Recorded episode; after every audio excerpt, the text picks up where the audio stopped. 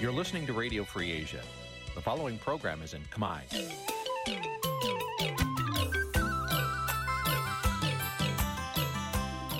នេះជាកម្មវិធីផ្សាយ Vuthu Azizi Serai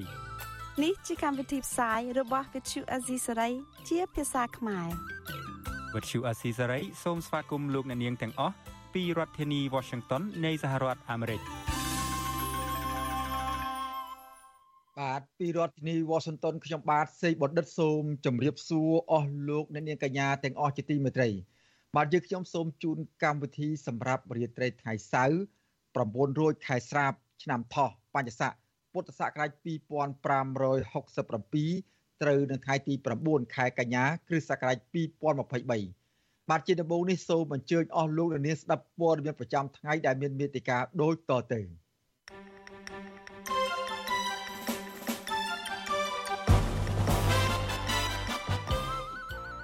អ្នកខ្លាប់មើលថាវត្តមានលោកហ៊ុនម៉ាណែតនៅក្នុងកិច្ចប្រជុំនៅអាស៊ានដើម្បីកិត្តិយសខ្លួនឯងច្រើនជាងជាតិអ្នកខ្លាប់មើលថាកម្រិតព្រួយផ្ដើមខ្សែក្រវ៉ាត់និងផ្លូវរបស់ចិនទាញកម្ពុជាឲ្យធ្លាក់ចូលក្នុងអន្ទាក់បំណុល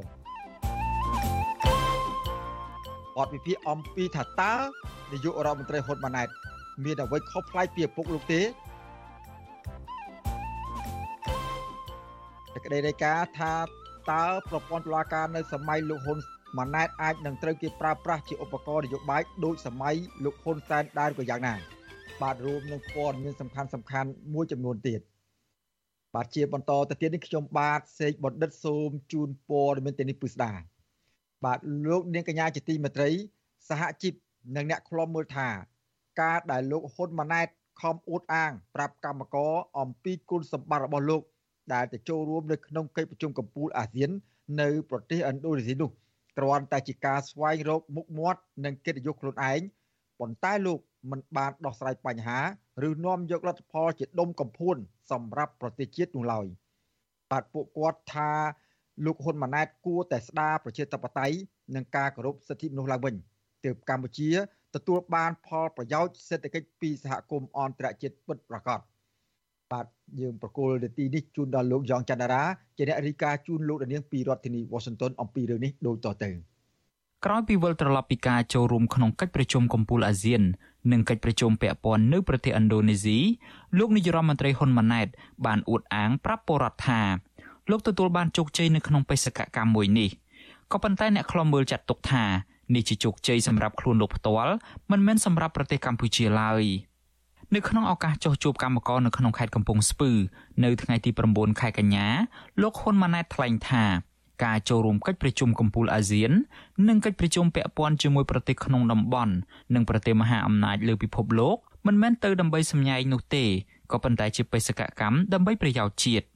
លោកចាត់ទុកការងារធំ3ដែលលោកអះអាងថាធ្វើដើម្បីជាតិរួមមានការចូលរួមក្នុងនាមជាប្រមុខរដ្ឋាភិបាល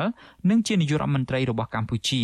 ការជួបប្រជុំទ្វេភាគីដើម្បីពង្រឹងកិច្ចសហប្រតិបត្តិការបន្ថែមទៀតនិងការងារសេដ្ឋកិច្ចដើម្បីជំរុញការធ្វើពាណិជ្ជកម្មនិងការតាក់ទាញវិនិយោគិនមកកម្ពុជាដោយក្នុងនោះមានការជំរុញការនាំចេញអង្ករទៅប្រទេសឥណ្ឌូនេស៊ីកិច្ចសហប្រតិបត្តិការវិស័យកសិកម្មនិងសហគ្រាសធុនតូចនិងមធ្យមជាមួយហ្វីលីពីននិងជំរុញឲ្យប្រទេសកូរ៉េខាងត្បូងទទួលយកពលករខ្មែរកាន់តែច្រើន។ វិស័យសម្រាប់កសិផលចិនជប៉ុនកូរ៉េក្រៅពីហ្វីលីពីនហើយហ្វីលីពីននេះឥឡូវដោយកំពុងតែចរចារឿងកដោយ20ម៉ឺនតោនហើយយើងចង់បង្កើនរហូតដល់50ម៉ឺនតោនយើងនឹងចរចាបន្ថែមទៀតហើយផលិតផលផ្សេងផ្សេងទៀតសិង្ហបុរីក៏ចាប់អារម្មណ៍រឿងបន្លែយើងរឿងសាច់ជ្រូកសាច់គោសាច់មាន់បាទរបស់យើងយើងអាចបើកទីផ្សារនឹងជាតាក់មួយការងារខ្ញុំធ្វើ3ក្នុងពេលជាមួយគ្នាលើពីនេះទៅទៀតលោកហ៊ុនម៉ាណែតអះអាងថាពេលប្រជុំនៅប្រទេសឥណ្ឌូនេស៊ីនោះ លោកមមាញឹកខ្លាំងរហូតដាច់បាយនិងស្រកទម្ងន់អស់1គីឡូថែមទៀតផ្ទុយពីការអួតអាងរបស់លោកហ៊ុនម៉ាណែតនេះអ្នកខ្លាំមើលស្ថានភាពកម្ពុជាយល់ថាប្រសិនបើលោកហ៊ុនម៉ាណែតចង់ជួយពង្រីកសេដ្ឋកិច្ចជាតិនិងតាក់ទាញអ្នកវិនិយោគនោះលោកមិនបាច់ខំប្រឹងតាក់ទងជាមួយប្រទេសតូចតាចរហូតដល់ដាច់បាយដាច់ទឹកនោះទេពលគឺលោកគ្រាន់តែកែតម្រង់ប្រព័ន្ធយុតិធធឲ្យបានល្អ ស្ដារប្រជាធិបតេយ្យនិងការគោរពសិទ្ធិមនុស្សឡើងវិញនោះកម្ពុជានឹងទទួលបានផលប្រយោជន៍ផ្នែកសេដ្ឋកិច្ចធំធេងពីប្រទេសដែលមានសេដ្ឋកិច្ចជឿនលឿនដូចជាសហរដ្ឋអាមេរិកនិងសហភាពអឺរ៉ុបជាដើមប្រធានក្រុមប្រឹក្សាខ្លំមើលកម្ពុជាប្រចាំនៅប្រទេសន័រវេលោកម៉ែនណាត លើកឡើងថានយោបាយតាក់មួយរបស់លោកហ៊ុនម៉ាណែតនេះគ្មានផលចំណេញសម្រាប់កម្ពុជាទេពីព្រោះទីផ្សារសំខាន់សំខាន់របស់កម្ពុជា សម្រាប់នាំចេញទំនិញនោះគឺសហរដ្ឋអាមេរិកនិងសហភាពអឺរ៉ុបខណៈដែលបណ្ដាប្រទេសភាគច្រើនក្នុងតំបន់អាស៊ានក៏ពឹងផ្អែកទៅលើទីផ្សារប្រទេសលោកសេរីនេះផងដែរលោកម៉ែនណាតបន្ថែមថាការចរចាសុំទីផ្សារប្រទេសក្នុងតំបន់របស់លោកហ៊ុនម៉ាណែតនេះគឺគ្រាន់តែជាការនិយាយឲ្យប្រជាពលរដ្ឋរំភើបមួយគ្រាប៉ុណ្ណោះស្របពេលដែលវិស័យវាយនភ័ណ្ឌនៅកម្ពុជា កំពុងជួបវិបត្តិកម្មករបាត់បង់ការងាររីឯផលិតផលកសិកម្មគ្មានទីផ្សារនិងតម្លៃចុះថោក អ្វីដែលហ៊ុនម៉ាណែតនិយាយអួតក្អេងក្អាងត្រឡប់ពីប្រជុំនៅឥណ្ឌូនេស៊ីនឹងមកវិញហ្នឹងគ្មានស្អីខុសពីហ៊ុនសែនត្រឡប់អួតទេគឺថាជោគជ័យមហិមាអញ្ចឹងជាភាសាបោកសុតណាបោកប្រាស់ប្រជាពលរដ្ឋហ្នឹងថាអូទំនាក់ទំនងការទូតល្អណាធ្វើឲ្យពិភពលោកគេស្គាល់នាយករដ្ឋមន្ត្រីថ្មីក្រៅពីនេះ អ្នកខ្លាំមើលស្ថានភាពកម្ពុជា លើកឡើងថាលោកហ៊ុនម៉ាណែតបានប្រើប្រាស់កិច្ចប្រជុំអាស៊ានដើម្បីស្វែងរកការគ្រប់គ្រងនិងការទទួលស្គាល់ភាពស្របច្បាប់ពីមេដឹកនាំតាមប្រទេសដែលមកចូលរួមដោយយកការចរចាទីផ្សារសេដ្ឋកិច្ចនិងកសិកម្មមកកុហកប្រជាពលរដ្ឋខ្ញុំយ៉ងច័ន្ទដារាវិទ្យុអាស៊ីសេរី Washington បាទលោកនាងកញ្ញាជាទីមេត្រីឥឡូវនេះយើងក្រឡេកមកមើលសេចក្តីរាយការណ៍អំពីស្នាដៃបន្សល់ទុកពីគេដំណើរឪពុកលោកនាយករដ្ឋមន្ត្រីហ៊ុនម៉ាណែតវិញគឺលោកនាយករដ្ឋគឺអតីតលោកនាយករដ្ឋមន្ត្រីហ៊ុនសែនបាទគេដំណើរដ៏អាក្រក់មួយ ដែលអតីតនាយករដ្ឋមន្ត្រីកម្ពុជាលោកហ៊ុនសែនបានបន្សល់ទុកក្រោយពេលលោកគ្រប់គ្រងកម្ពុជាជិត40ជិត4ទសវត្សរ៍មកនោះគឺតុលាការមិនឯករាជ្យពុករលួយផ្នែកនយោបាយ ដែលបង្កឲ្យមានភាពអយុត្តិធម៌សង្គមនិងបានឹងការបែកបាក់ឯកភាពជាតិបាទតើរដ្ឋាភិបាលថ្មីដឹកនាំដោយលោកហ៊ុនម៉ាណែតដែលជាកូនប្រុសច្បងរបស់លោកហ៊ុនសែននោះមានឆន្ទៈនិងសេចក្តីក្លាហានធ្វើឲ្យតុលាការងាកមកផ្លូវត្រូវឈប់คลายជាឧបករណ៍នយោបាយតទៅទៀតឬក៏យ៉ាងណា បាទលោកនាងនឹងបានស្ដាប់សេចក្តីរាយការណ៍ពិស្ដារអំពីរឿងនេះនាពេលបន្តិចទៀតបាទសូមអរគុណ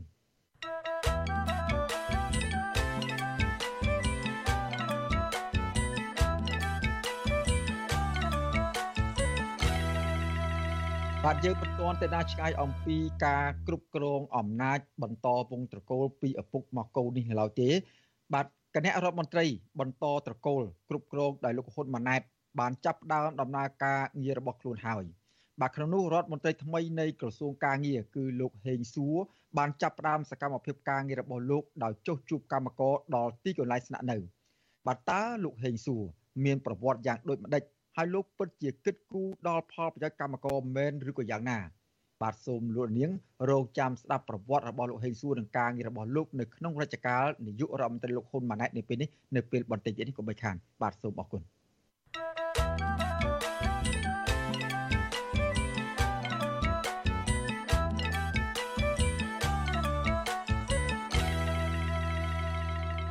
លោកដែលនាងកំពុងតាមដានស្ដាប់ការផ្សាយរបស់វិទ្យុអស៊ីសេរីផ្សាយចេញពីរដ្ឋធានី Washington សហរដ្ឋអាមេរិកបាទឥឡូវនេះយើង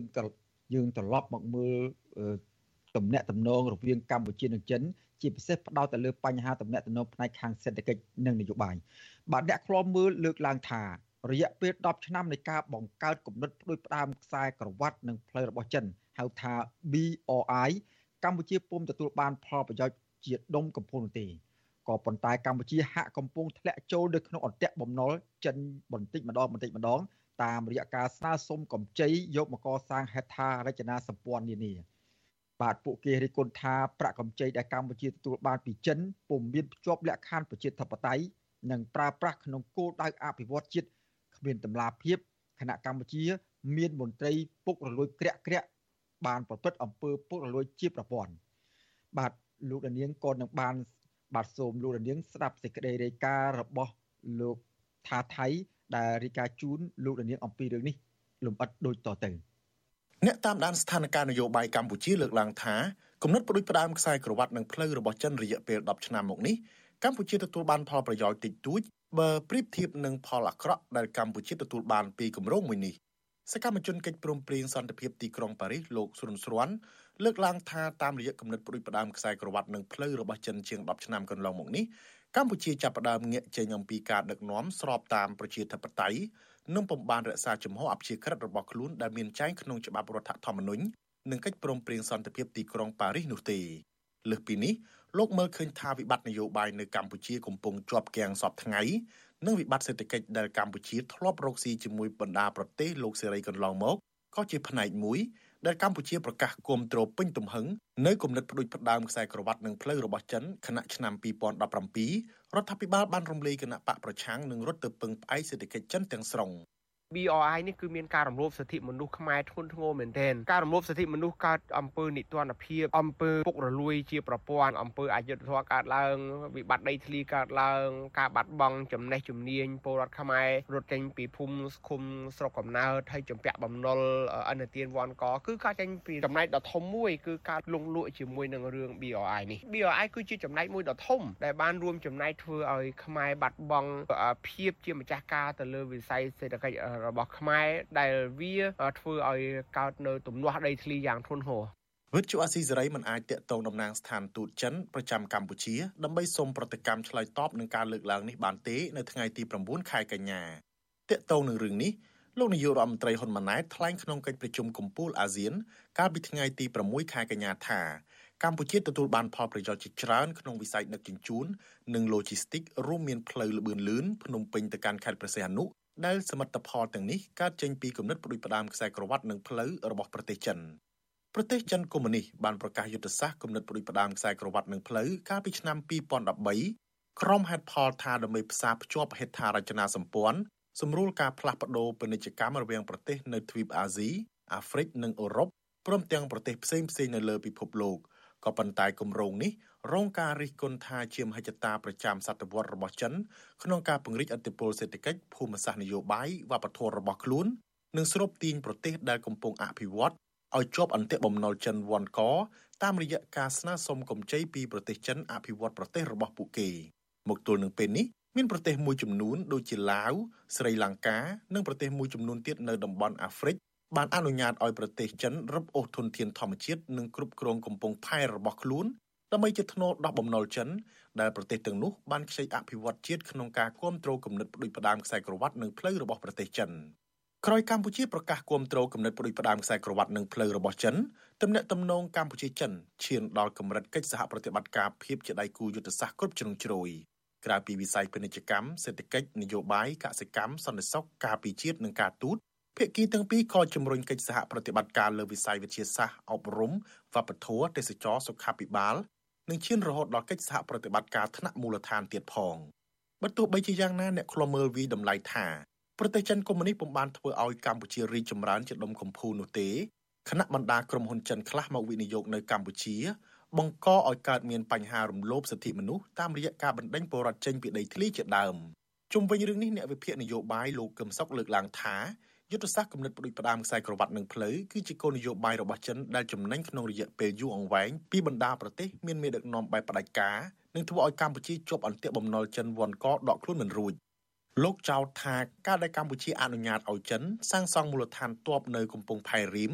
និងអនុញ្ញាតឲ្យជនជាតិចិនភៀសច្រើនមករកស៊ីកាន់កាប់អាជីវកម្មភៀសច្រើននៅខេត្តព្រះសីហនុនោះអាចជាការដោះដូរមួយផ្នែកដែលកម្ពុជាបានជំពាក់បំណុលចិន។ កាលណាលោកហ៊ុនសែនហ៊ុនម៉ាណែតងាកទៅចិនជ្រុលពេកបែបនេះនឹងប្រឈមទណ្ឌកម្មកាន់តែធ្ងន់ធ្វើឲ្យអំណាចក្រុមគ្រួសារហ៊ុនដួលរលំទី1ទណ្ឌកម្មផ្ទាល់ដូចជាផ្នែកការទូតមិនត្រឹមតែសហរដ្ឋអាមេរិកមិនផ្ដល់ GSP ហើយ EBA របស់អឺរ៉ុបវិញក៏ត្រូវប្រឈមនឹងការកាត់ផ្ដាច់100%ទេគឺរហូតទៅដល់សហរដ្ឋអាមេរិកអឺរ៉ុបនិងប្រទេសសម្ព័ន្ធមិត្តមិនធ្វើពាណិជ្ជកម្មជាមួយនឹងរដ្ឋាភិបាល រីឯអ្នកជំនាញវិទ្យាសាស្ត្រនយោបាយនិងកិច្ចការអន្តរជាតិលោកអែមសវណ្ណរាវិញលោកព្រួយបារម្ភថារដ្ឋាភិបាលកម្ពុជានិងមន្ត្រីកម្ពុជាក្រាកក្រាកមួយចំនួននៅតែប្រព្រឹត្តអំពើពុករលួយក្នុងការប្រើប្រាស់លុយកម្ចីពីប្រទេសចិន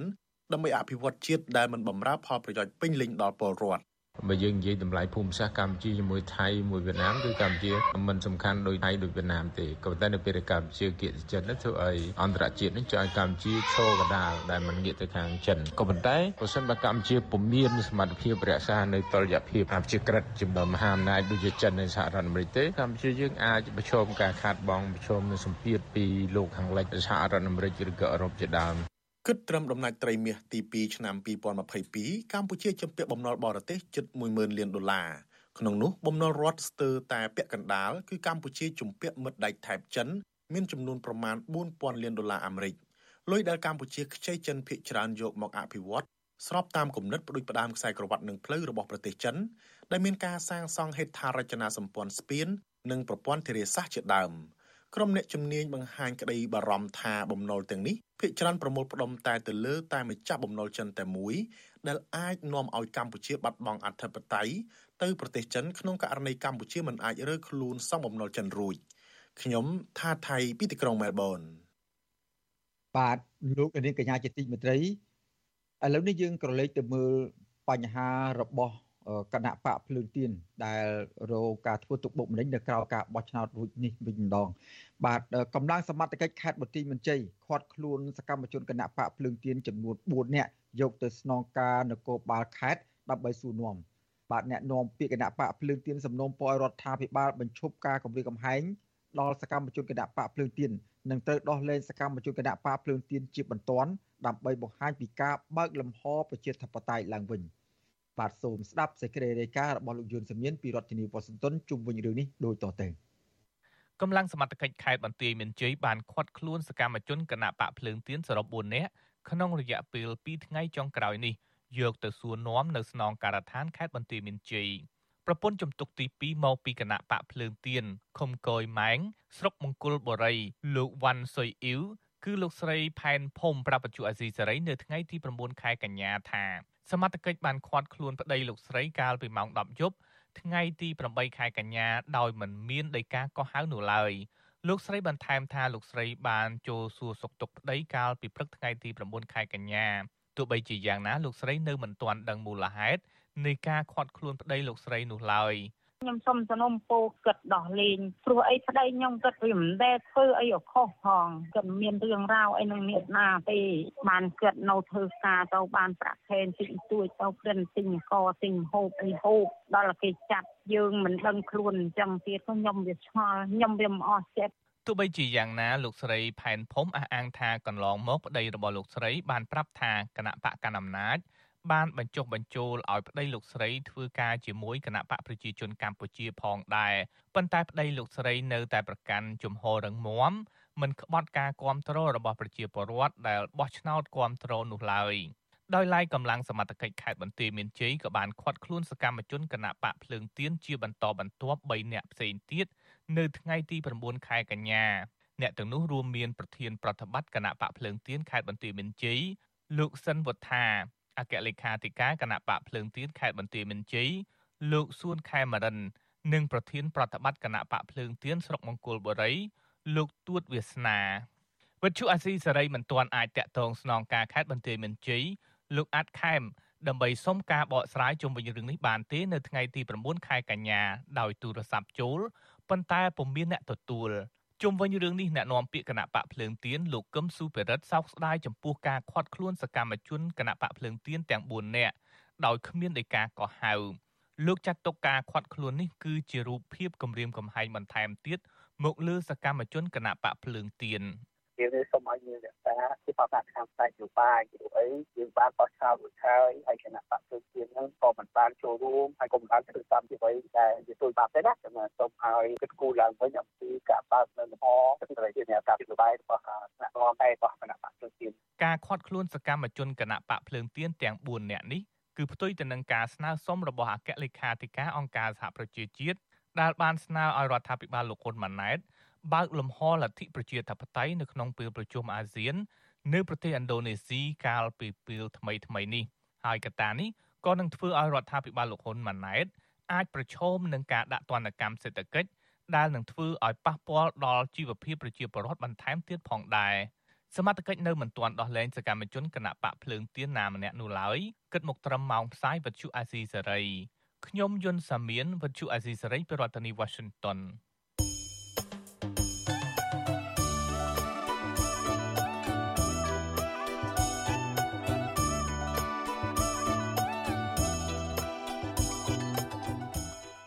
បាទលោកនាងកញ្ញាជាទីមេត្រីវិទ្យុអសិរ័យផ្សាយតាមរលកធារកាសខ្លីឬ Shortwave ហើយក៏ផ្សាយដំណើរគ្នាជាមួយនឹងបណ្ដាញសង្គម Facebook និង YouTube ផងដែរបាទចំពោះលោកនាងដែលតាមតាមស្ដាប់ការផ្សាយរបស់យើងតាមរយៈរលកធារកាសខ្លីឬ Shortwave នោះគឺនៅពេលព្រឹកចាប់ពីម៉ោង5កន្លះដល់ម៉ោង6កន្លះតាមរយៈប៉ុស SW 12.14 MHz ស្មើនឹងកម្ពស់ 25m និងប៉ុស SW 13.71 MHz ស្មើនឹងកម្ពស់ 22m បាទចំណែកនៅឯពេលយប់គឺចាប់ពីម៉ោង7កន្លះដល់ម៉ោង8កន្លះតាមរយៈប៉ុស SW 9.33 MHz ស្មើនឹងកម្ពស់ 32m និងប៉ុស SW 11.88 MHz ស្មើនឹងកម្ពស់ 25m និងប៉ុស SW 12.15 MHz ស្មើនឹងកម្ពស់ 25m បាទសូមអរគុណ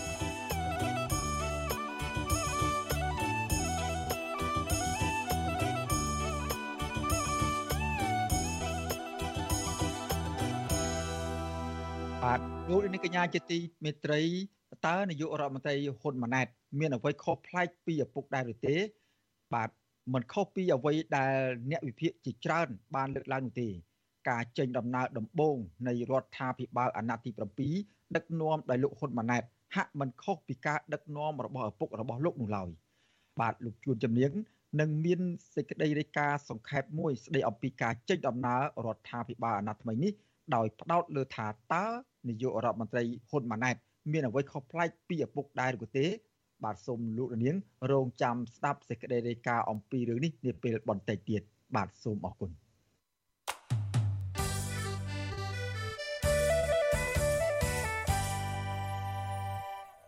បាទឥឡូវនេះយើងត្រឡប់មកមើលប្រវត្តិនិងសកម្មភាពការងាររបស់លោកហេងសួរដែលជារដ្ឋមន្ត្រីថ្មីនៃក្រសួងការងារវិញម្ដង បាទគណៈរដ្ឋមន្ត្រីបន្តត្រកូលគ្រប់គ្រងដោយលោកហ៊ុនម៉ាណែតបានចាប់ផ្ដើមដំណើរការបាទបានចាប់ផ្ដើមដំណើរការរបស់ខ្លួនរួចទៅហើយបាទនៅក្នុងនោះរដ្ឋមន្ត្រីថ្មីនៃក្រសួងការងារគឺលោកហេងសួរបានផ្ដើមសកម្មភាពការងាររបស់លោកដោយចុះជួបកម្មករដល់កន្លែងស្នាក់នៅបាទតើលោកហេងសួរមានប្រវត្តិយ៉ាងដូចម្តេចខ្លះហើយលោកពិតជាគិតគូរដល់ផលប្រយោជន៍កម្មករមែនដែរក៏យ៉ាងណា បាទ សូមខ្ញុំបាទសូមប្រកល់នីតិនេះជូនដល់លោកយ៉ងច័ន្ទរាជាអ្នករាយការណ៍លម្អិតជូនដល់លោកនាងអំពីបញ្ហានេះដូចតទៅ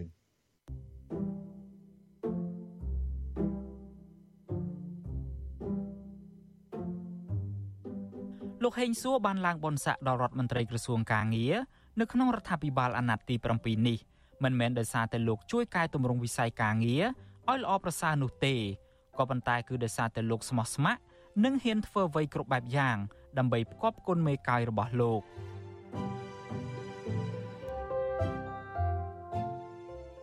លោកហ៊ានដល់ថ្នាក់ជួលក្រុមជើងកាងឲ្យវាយធ្វើបាបពលករខ្មែរនិងបង្កគ្រោះថ្នាក់ដល់អាយុជីវិតទៅលើពួកគាត់ថែមទៀតផងពិនិត្យមើលឲ្យយើងនៅក្នុងនឹងជាមានស្គាល់បដាខណៈអឺត្រូវចាប់ផ្ដើមធ្វើដូចនៅកូរ៉េចឹងរកពួកជើងកាងមួយចំនួនមើលមុខសញ្ញាណាដែលចាំបាច់ យកជើងកាងទៅវាយវាទៅហើយជើងកាងត្រឡប់មកវិញយើងចាំធ្វើម៉េចអាមួយនឹងវា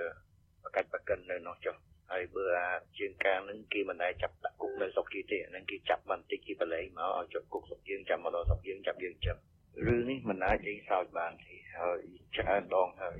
លើកមុនយើងមិននេះទេប៉ុន្តែលើកនេះទៅគឺនៅចំពោះមុខហើយវាហ៊ានជន់បែបនេះគឺយើងអាចលើកលែងឲ្យវាបាន ហើយបងសេងថ្ងៃមុនដែលថាឲ្យមុខសញ្ញាអ្នកដែលជាសកម្មជនពួកវាមកហ្នឹងឥឡូវនេះគឺយើងត្រូវធ្វើកិច្ចការងារនឹងបន្តិចអានេះមកឲ្យវាគ្រោះថ្នាក់ចរាចរណ៍នៅស្រុកខ្មែរសារសម្លេងមួយនេះមានប្រភពចេញពីក្រុម Telegram របស់លោកហេងសួរជាមួយនឹងភ្នាក់ងារបញ្ជូនពលករខ្មែរទៅប្រទេសជប៉ុនហើយត្រូវបានគេចែកចាយប្រងព្រាតនៅលើបណ្ដាញសង្គមកាលពីឆ្នាំ2018 លោកហេងសួរកើតនៅឆ្នាំ1974នៅរាជធានីភ្នំពេញភរិយារបស់លោកឈ្មោះសោមរស្មី គឺជាអ្នកជំនួញលោកមានកូនចំនួន3នាក់ស្រីម្នាក់និងប្រុស2នាក់លោកបានបញ្ចប់ការសិក្សាថ្នាក់បរិញ្ញាបត្រនៅសាកលវិទ្យាល័យជាតិគ្រប់គ្រង និងថ្នាក់អនុបណ្ឌិតនៅប្រទេសជប៉ុនលោកធ្លាប់ជាប្រធានសមាគមអតីតនិស្សិតខ្មែរពីប្រទេសជប៉ុនចន្លោះពីឆ្នាំ2008ដល់ឆ្នាំ2014មុននឹងក្លាយជារដ្ឋមន្ត្រីក្រសួងកាងារនៅពេលនេះ លោកហេងសួរធ្លាប់កាន់តំណែងច្រើនស្អិចស្កះនៅក្រសួងកាងារមានជាអាចអគ្គនាយករដ្ឋបាលនិងហិរញ្ញវត្ថុនាយកខុទ្ទកាល័យរដ្ឋមន្ត្រី អនុរដ្ឋលេខាធិការនិងរដ្ឋលេខាធិការពីខាងក្រៅលោកហេងសួរខំសម្ដែងឲ្យគេឯងមើលឃើញថាលោកគិតគូរដល់ប្រយោជន៍និងសុខទុក្ខកម្មករក៏ប៉ុន្តែធៀបពិតលោកជាមនុស្សឈរខាងថៅកែក្រុមហ៊ុន ជាជាងនៅខាងកម្មករលោកបានចោទសកម្មភាពតវ៉ាដោយសន្តិវិធី របស់ក្រុមកោតក្រ Nagawal ថាជាបដិវត្តពណ៌ពាក្យចោទប្រកាន់ខ្វះមូលដ្ឋានរបស់លោកហេងសួននេះបានបើកផ្លូវឲ្យអាជ្ញាធរបង្ក្រាបបៀតបៀននិងយាយីទៅលើក្រុមកោតក្រឥតស្រាកស្រានរហូតដល់ស្ត្រីម្នាក់ត្រូវរលូតកូននៅក្នុងផ្ទៃប្រធានសហជីពកញ្ញាឈឹមស៊ីធត្រូវជាប់ពន្ធនាគារ2លើកនិងសមាជិកសហជីព Nagawal 6នាក់ទៀតត្រូវបានផ្ដន្ទាទោសពីបទញុះញង់ក្រុមកោតក្រ Nagawal និងសហជីពមួយចំនួនគ្មានជំនឿទៅលើលោកហេងសួរថានឹងអាចដោះស្រាយបញ្ហាជូនកម្មករបាននោះទេពីព្រោះលោកជាមនុស្សធ្វើការបម្រើប្រយោជន៍បកនិងឈរនៅខាងថៅកែជាជាងប្រយោជន៍កម្មករពិតប្រាកដបច្ចុប្បន្នលោកហេងសួរប្រឹងប្រែងអូសទាញពលករខ្មែរនៅប្រទេសថៃកូរ៉េខាងត្បូងជប៉ុននិងប្រទេសមួយចំនួនទៀតឲ្យចូលរួមជាមួយគណៈបកប្រជាជនកម្ពុជា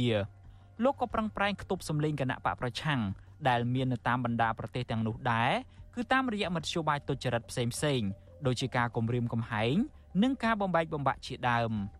ក្រៅពីនេះការងារស្នូលសំខាន់មួយទៀតរបស់លោកហេងសួរគឺលោកអាចជាអ្នកនៅពីក្រោយអ្នកគ្រប់គ្រងភ្នាក់ងារឬពួកមេខ្យល់បញ្ជូនពលករទៅក្រៅប្រទេសក្រុមហ៊ុនដែលអាចទទួលមកបានតើតែមានលុយ100000ដុល្លារទោះតែពួករបស់គាត់អស់នឹងមានលុយ100000ដុល្លារមកពីណាទៅទៅគាត់និយាយក្រតនាគារ អញ្ចឹងវាអាចកើតឡើងរឿងពើពលលួយមួយបានបាទតើតែសួរទី10000ឬក៏20000នឹងតែតែសួរទីខ្ញុំអត់អាចដឹងបានហ្នឹងទី1ទី2គាត់ទីពីលើពលករនឹងមិនដឹងជាក្នុងម្នាក់គាត់ទីប្រហែលព្រោះយើងនិយាយថាម្នាក់ក្នុងគាត់គាត់ទីមួយខែតែ100នឹងគាត់មានដីខាងនៅស្រុកខ្មែរថ្ងៃនេះអញ្ចឹងរឿងហ្នឹងវាជារឿងមួយដែលយើងអាចធ្វើការសង្កេតទៅពេលដែលរបបនឹងវាមិនរលត់ទៅកន្លងទៅ មិនធ្លាប់មានព័ត៌មានបែកធ្លាយអំពីទ្រព្យសម្បត្តិរបស់លោកហេងសួរនោះទេក៏ប៉ុន្តែភរិយារបស់លោកគឺជាម្ចាស់សន្តាគារធំមួយនៅក្បែរឆ្នេរអូត្រេសខេត្តប្រស័យហនុដែលអាចមានតម្លៃរហូតដល់រាប់លានដុល្លារបើតាមការបង្ហោះនៅលើ Facebook ផ្ទាល់ខ្លួនភរិយារបស់លោកហេងសួរគឺជាអ្នកជំនួញអចលនទ្រព្យដែលបានបង្ហោះសារលក់ដីនិងផ្ទះនៅលើបណ្ដាញសង្គម Facebook ជាបន្តបន្ទាប់យ៉ាងណាក៏ដោយចុះ លោកហេងសួរឡើងមកធ្វើជារដ្ឋមន្ត្រីក្រសួងកាងារចំពេលនេះក៏ទំនងជាមិនផ្អែមមាត់ប៉ុន្មានដែរពីព្រោះលោកត្រូវដោះស្រាយបញ្ហារាប់ចំពោះដែលបន្សល់ទុកពីសក្តាចាស់មានជាអាចបញ្ហាអត់ការងារធ្វើរបស់កម្មករកើតចេញពីការបិទរោងចក្រឬព្យួរការងារបញ្ហាចំណាក់ស្រុករបស់ប្រជាពលរដ្ឋការបង្កើនឱកាសការងារសម្រាប់យុវជនព្រមទាំងករណីរំលោភសិទ្ធិការងារជាច្រើនករណីទៀតខ្ញុំយ៉ងច័ន្ទដារាវិទ្យុអាស៊ីសេរី Washington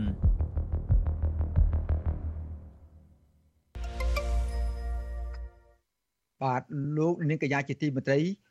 ឡូវនេះយើងមកតាមដានទៅមើលប្រព័ន្ធតុលាការនៅក្នុងប្រទេសកម្ពុជា នៅក្នុងសម័យដឹកនាំរបស់នាយករដ្ឋមន្ត្រីរបស់នាយករដ្ឋមន្ត្រីថ្មីគឺលោកហ៊ុនម៉ាណែតវិញម្ដង បាទគេដំណើរដ៏អាក្រក់មួយ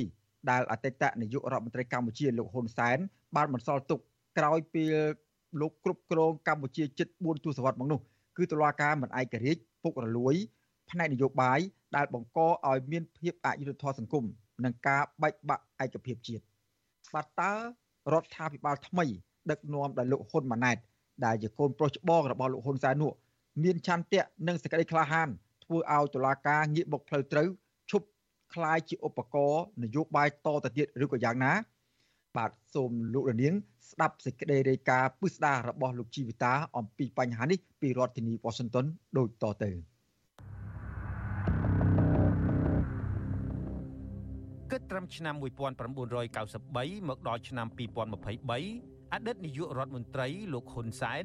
បានដឹកនាំកម្ពុជាពីរបបនយោបាយប្រជាធិបតេយ្យសេរីពហុបកទៅជារបបឯកបក ដែលគណៈបកកាន់អំណាចរបស់លោកមានឥទ្ធិពលខ្លាំងឡើងខ្លាំងឡើងលើស្ថាប័នតុលាការមន្ត្រីតុលាការចាប់ពីក្រឡាបញ្ជីរហូតដល់ប្រធានតុលាការគ្រប់ជាន់ថ្នាក់ត្រូវបានបង្ខំឲ្យចូលជាសមាជិកបកកាន់អំណាចដែលធ្វើឲ្យពួកគេមិនអាចបំពេញការងារប្រកបដោយឯករាជ្យអព្យាក្រឹតដោយមានចែងក្នុងរដ្ឋធម្មនុញ្ញ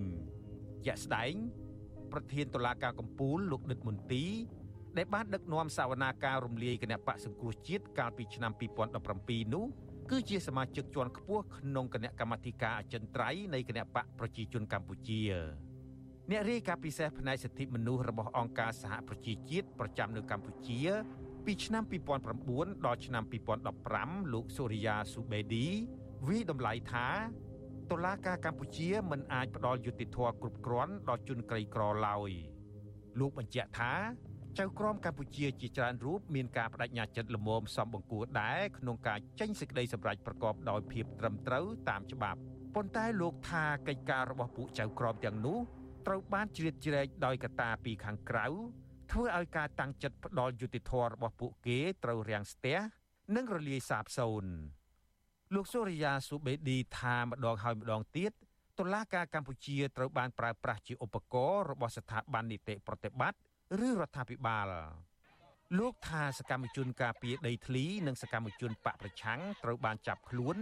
និងកាត់ទោសភ្លាមភ្លាមទាំងក្រុមទាំងក្រុមដាក់ពន្ធនាគារដោយគ្មានការឆ្លងកាត់នីតិវិធីត្រឹមត្រូវ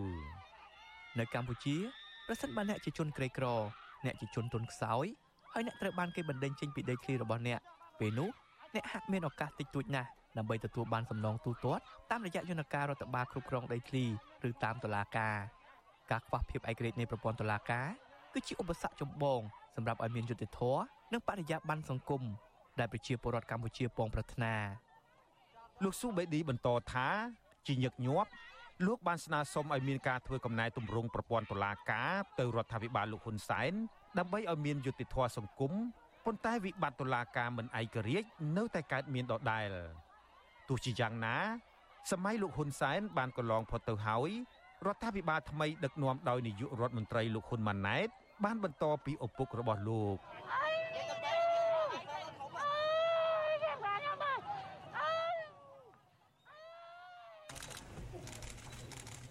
សហគមន៍ជាតិនិងអន្តរជាតិកំពុងសម្លឹងមើលថាតើលោកហ៊ុនម៉ាណែតហ៊ានបំបែកឯកតកម្មស្រាយចំណងតុលាការឲ្យស្ថាប័នកម្ពុជាសម្រាប់រកយុត្តិធម៌ជូនពលរដ្ឋមួយនេះរួចផុតពីក្រញាំនយោបាយ ដែលឪពុករបស់លោកបានចងនោះឬទេ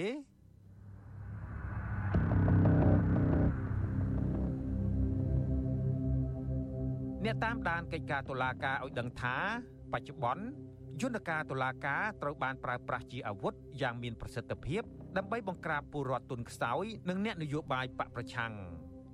មន្ត្រីទទួលបន្ទុកសិទ្ធិមនុស្សនិងធុរកិច្ចនៃមជ្ឈមណ្ឌលសិទ្ធិមនុស្សកម្ពុជាលោកវ៉ាន់សុផាត បារម្ភពីប្រព័ន្ធយុតិធធននៅថ្ងៃមុខថាតើនាយករដ្ឋមន្ត្រីថ្មីលោកហ៊ុនម៉ាណែតនឹងនៅតែបន្តប្រើប្រាស់តុលាការជាអាវុធដោយឪពុករបស់លោកដើម្បីបង្ក្រាបសម្លេងប្រឆាំង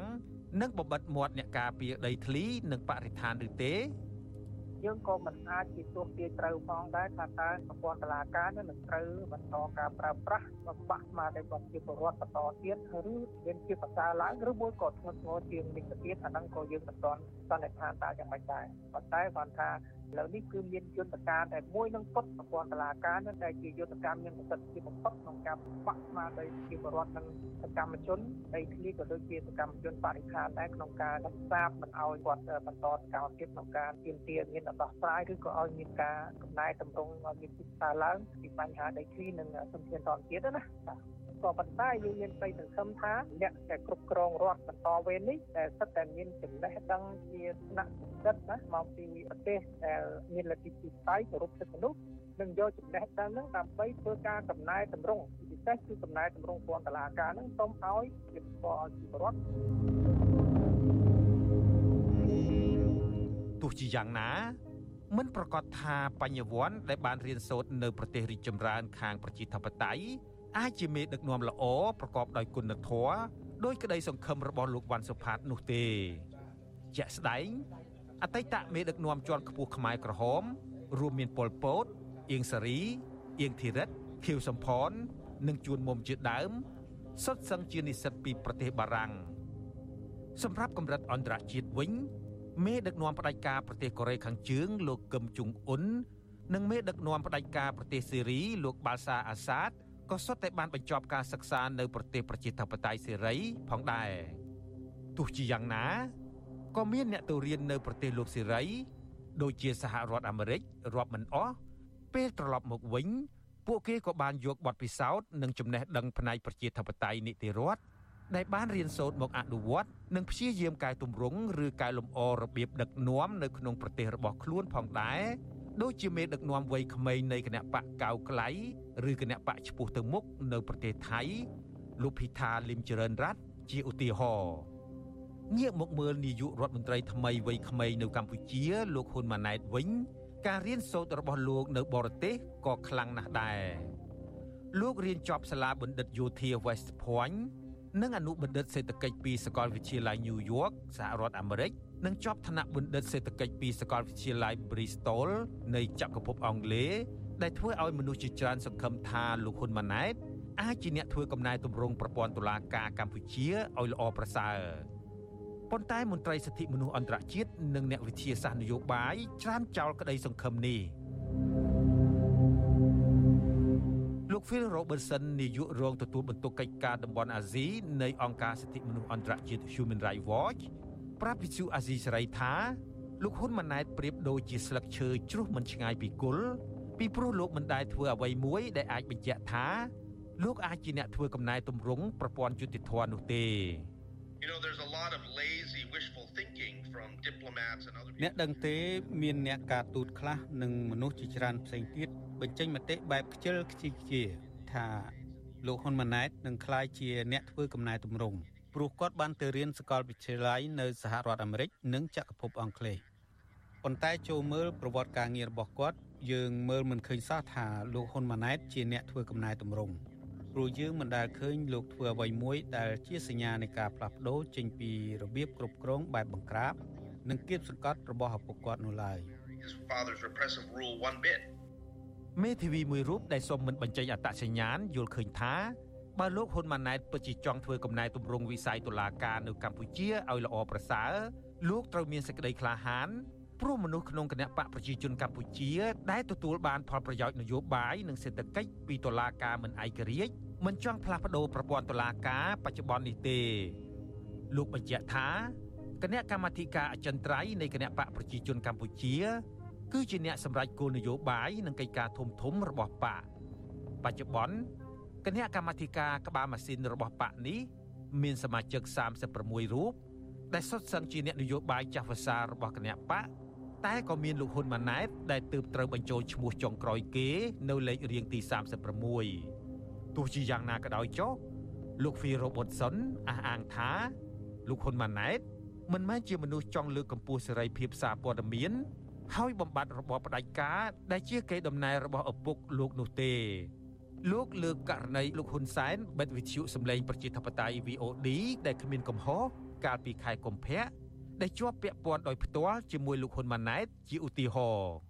លោក Phil Robertson ថាពេលនោះលោកហ៊ុនម៉ាណែតគួរចេញមុខខាត់ឪពុករបស់លោកកុំឲ្យបិទវិទ្យុ VOD He could have certainly said, okay, Dad, you don't need to ban Voice of Democracy. You can accept their apology and ពេលនោះគាត់គួរតែនិយាយទៅកាន់ឪពុកគាត់ថាពុកពុកមិនចាំបាច់បិទវិទ្យុ VOD ទេ ពុកគួរតែទទួលយកការសំទោសរបស់ពួកគេទៅ ការនិយាយប៉ុណ្ណឹងវាជាការងាយស្រួលណាស់សម្រាប់លោកហ៊ុនម៉ាណែតប៉ុន្តែគាត់មិនបានធ្វើដូច្នោះទេបញ្ហានេះតាក់ទងនឹងអត្ថបទមួយរបស់ VOD ចេញផ្សាយអំពីទួនាទីរបស់លោកហ៊ុនម៉ាណែតរឿងផ្ដាល់ជំនួយបន្ទាន់មួយដល់ប្រទេសទួរគី ដែលមានគ្រោះរញ្ជួយដីអត្ថបទនោះបានស្រង់សម្ដីរបស់អ្នកនាំពាក្យរដ្ឋាភិបាលយកមកចុះផ្សាយហើយមន្ត្រីនាំពាក្យរូបនោះមិនបានបដិសេធទេ ដែលគាត់និយាយថា លោកហ៊ុនម៉ាណែតបានចុះហត្ថលេខាលើលិខិតផ្ដល់ជំនួយនោះលើពីនេះតំណាងវិទ្យុ VOD ក៏បានសុំទោសលោកហ៊ុនសែនក្រោយពីដឹងថាលោកហ៊ុនសែនផ្ទុះកំហឹងប៉ុន្តែលោកហ៊ុនម៉ាណែតនៅស្ងៀមមិនខាត់ឪពុកគាត់ឲ្យបិទ VOD ទេ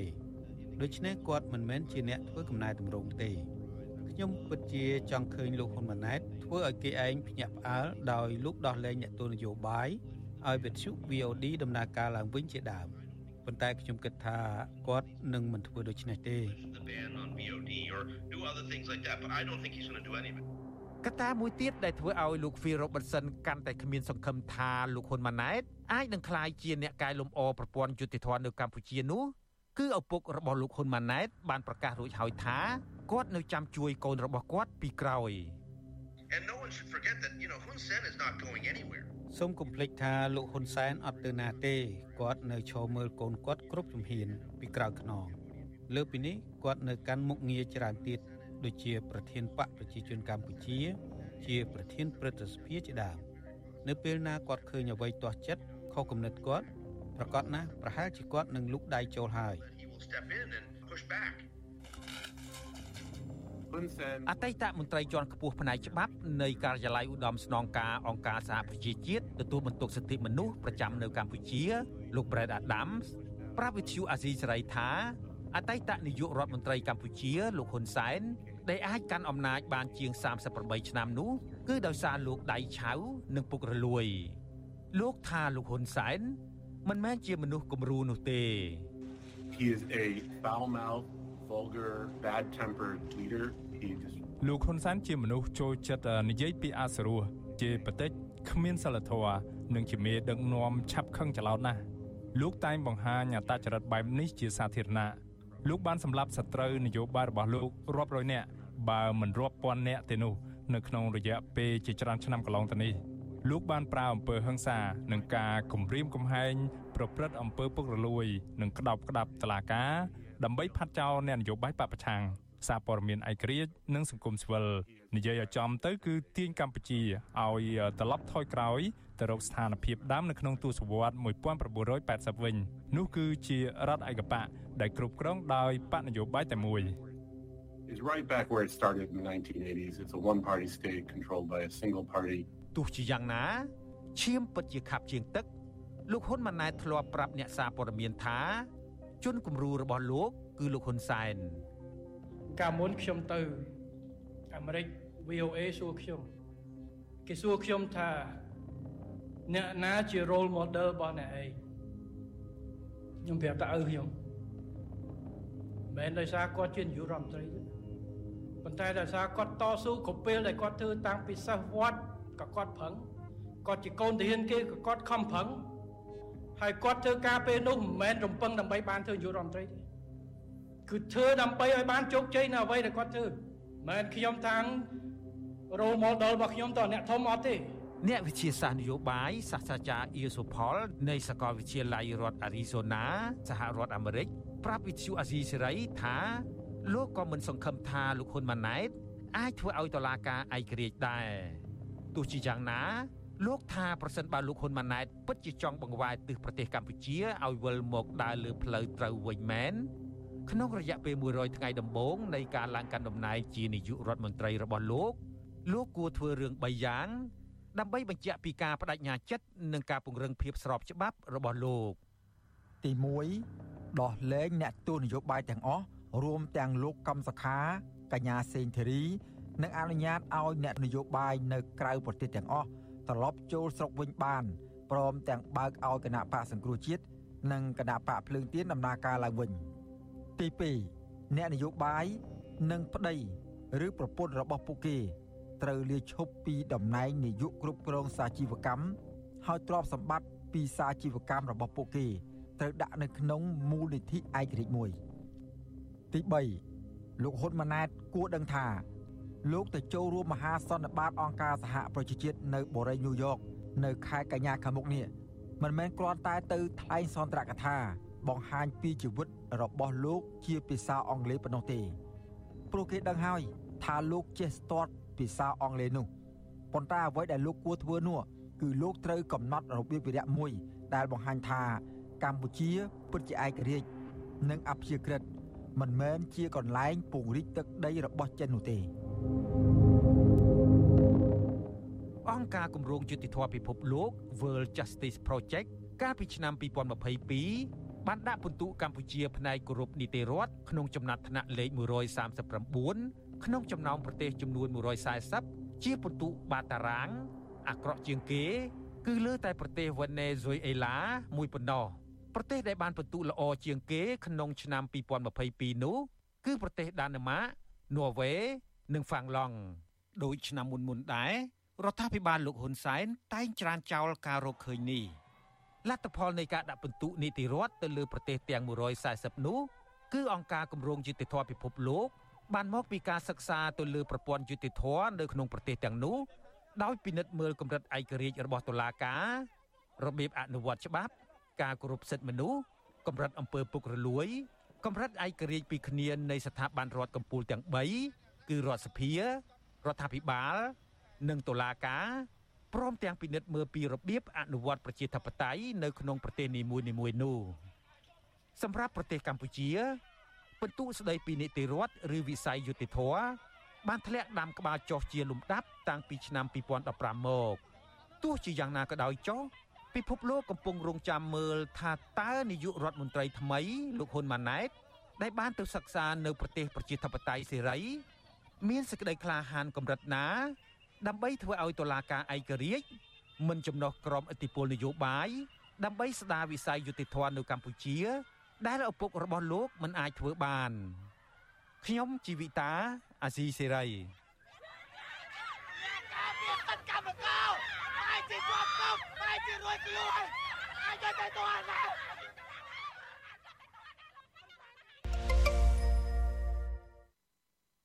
បាទលោកនាងកញ្ញាជាទីមេត្រីទាំងនេះគឺជាមរតក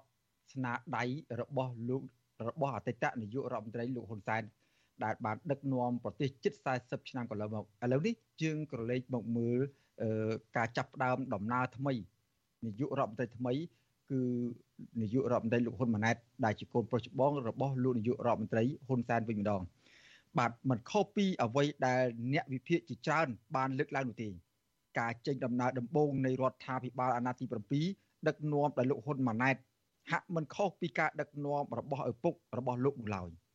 បាទលោកជួនជំនាញមានសេចក្តីរាយការណ៍សង្ខេបមួយស្តីអំពីការចេញដំណើររបស់រដ្ឋាភិបាលអាណត្តិថ្មីនេះដោយផ្ដោតថាតើនាយករដ្ឋមន្ត្រីហ៊ុនម៉ាណែតមានអ្វីខុសប្លែកពីឪពុករបស់លោកដែរឬទេ បាទសូមស្ដាប់សេចក្តីរាយការណ៍អំពីរឿងនេះដូចតទៅ បន្ទាប់ពីទទួលបានការចាត់តាំងជានាយករដ្ឋមន្ត្រីនិងការចូលកាន់តំណែងជាផ្លូវការរួចមកលោកនាយករដ្ឋមន្ត្រីហ៊ុនម៉ាណែតបានដឹកនាំប្រជុំគណៈរដ្ឋមន្ត្រីលើកដំបូងបានចុះទៅជួបជាមួយគណៈកម្មការចំនួន3លើកនិងក៏បានដឹកនាំគណៈប្រតិភូជាន់ខ្ពស់កម្ពុជាទៅចូលរួមកិច្ចប្រជុំកំពូលអាស៊ាននិងកិច្ចប្រជុំពាក់ព័ន្ធផ្សេងផ្សេងទៀតក្នុងរយៈពេលប្រមាណសប្តាហ៍នៃការឡើងកាន់អំណាចនេះលោកហ៊ុនម៉ាណែតហាក់មិនបានបង្ហាញនូវគោលនយោបាយ ឬរបៀបធ្វើការអ្វីដែលខុសប្លែកពីការដឹកនាំរបស់ឪពុករបស់លោកគឺលោកអតីតនាយករដ្ឋមន្ត្រីហ៊ុនសែននោះទេ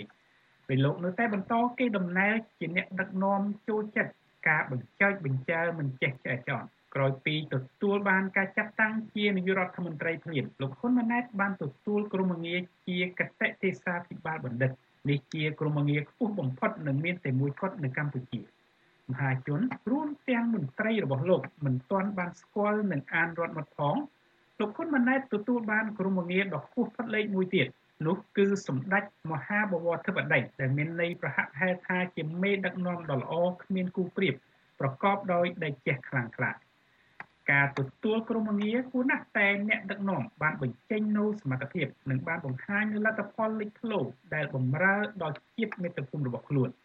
ប៉ុន្តែការទទួលបានមុនការដឹកនាំនេះវាហាក់បីដូចជាការមួយគួរឲ្យខ្មាស់គេទៅវិញទេនៅក្នុងការដឹកនាំគណៈប្រតិភូទៅជួបរួមកិច្ចប្រជុំកំពូលអាស៊ានឯនោះវិញលោកហ៊ុនម៉ាណែតក៏ទទួលបានការលើកដំកើងមិនតិចណាស់ដែរដោយមានទាំងការអបអរដោយចម្រៀងកាយវិការរៀបរាប់ពីមហាជោគជ័យនៃបេសកកម្មក្រៅប្រទេសនិងការធ្វើដំណើរដោយជើងយន្តហោះពិសេសជាដើម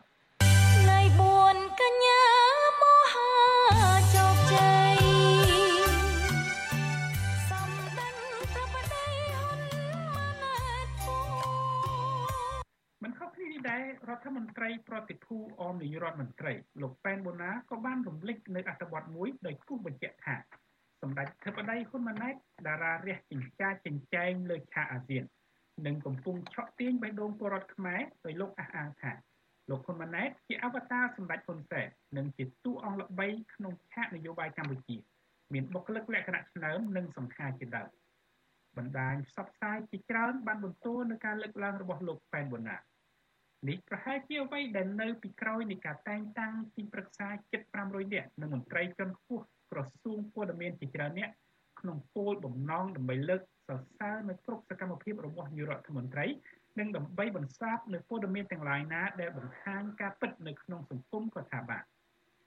ការកត់សម្គាល់មួយទៀតដែលមិនខុសគ្នាពីឪពុករបស់លោកនោះគឺនៅពេលដែលបានកាន់ក្បាលមីក្រូម្ដងម្ដង លោកអាចនិយាយបានរាប់ម៉ោងដោយហាក់មិនបានគិតថាតើខ្លឹមសារដែលលោកបានថ្លែងនោះត្រូវគ្នានឹងអ្នកកំពុងស្ដាប់ឬយ៉ាងណានោះទេជាក់ស្ដែងនៅក្នុងជំនួបជាមួយកម្មកររាប់ម៉ឺននាក់នៅឯខេត្តកណ្ដាលកាលពីសប្តាហ៍មុនដែលជាជំនួបធំទី2បន្ទាប់ពីលោកឡើងកាន់អំណាចជានាយករដ្ឋមន្ត្រី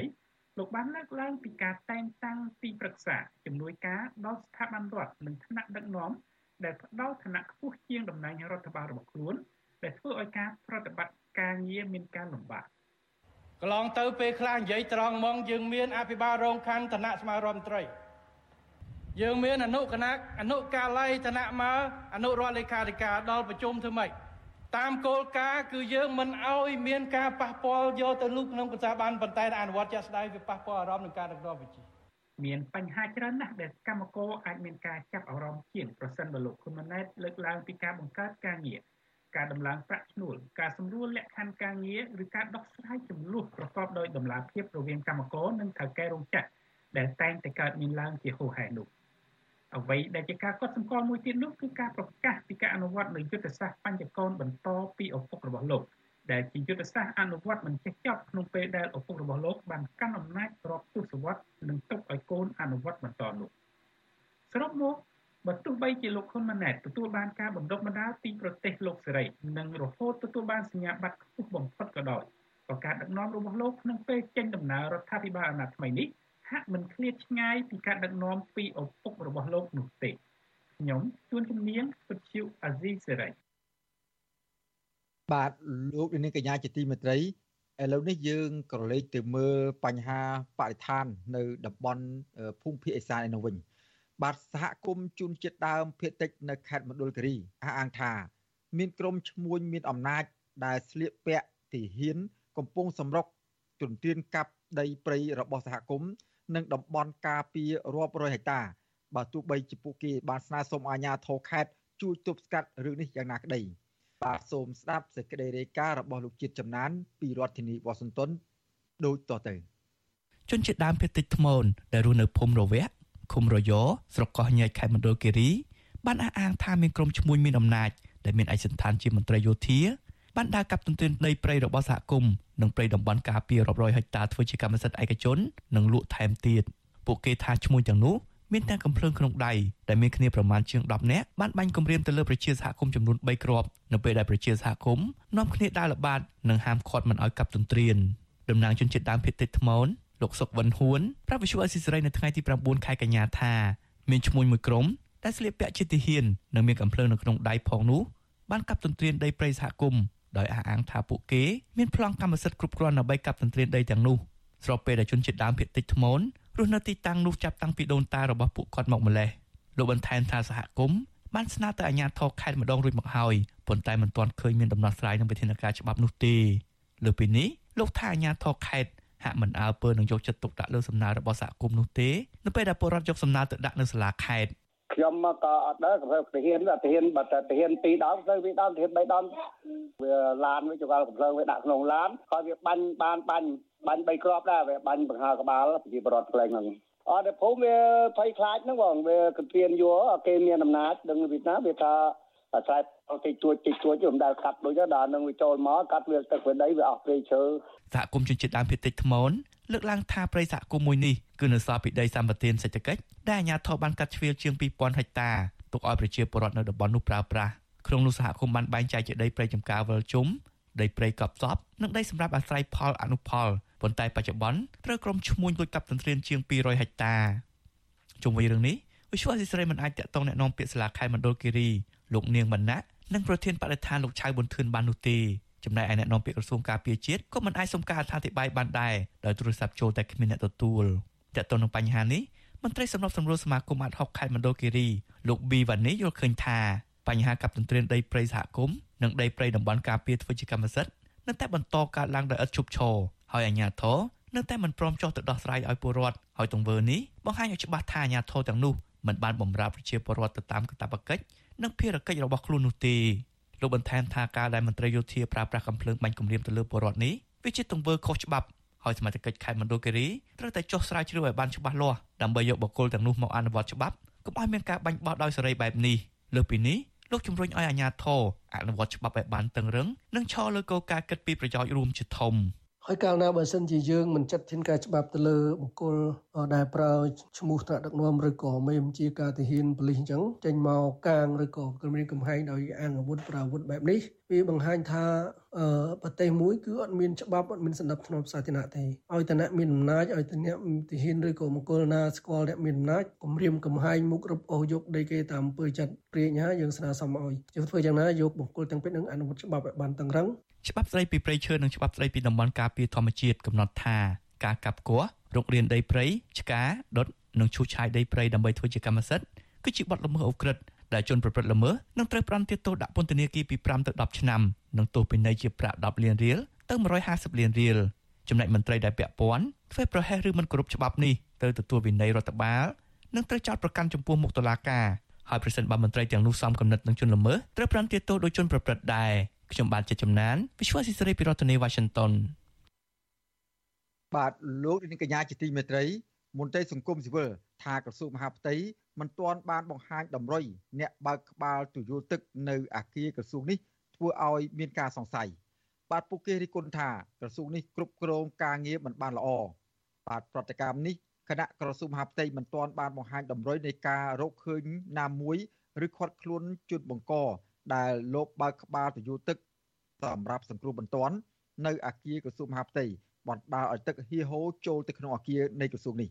បាទលោកនាងនៅបានស្ដាប់សេចក្តីរាយការណ៍អំពីរឿងនេះពិស្ដារនៅព្រឹកស្អែកបន្ទាប់ពី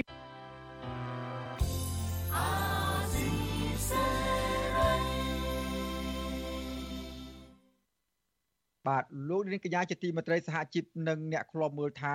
ការដែលលោកហ៊ុនម៉ាណែត ខំអួតអាងប្រាប់កម្មករអំពីគុណសម្បត្តិរបស់លោកដែលទៅចូលរួមនៅក្នុងកិច្ចប្រជុំកំពូលអាស៊ាននៅប្រទេសឥណ្ឌូនេស៊ីនោះគ្រាន់តែជាការស្វែងរកមុខមាត់និងកិត្តិយសរបស់ខ្លួនឯងប៉ុន្តែលោកមិនបានដោះស្រាយបញ្ហាឬនាំយកលទ្ធផលជាដុំកំភួនសម្រាប់ប្រជាជាតិនោះឡើយ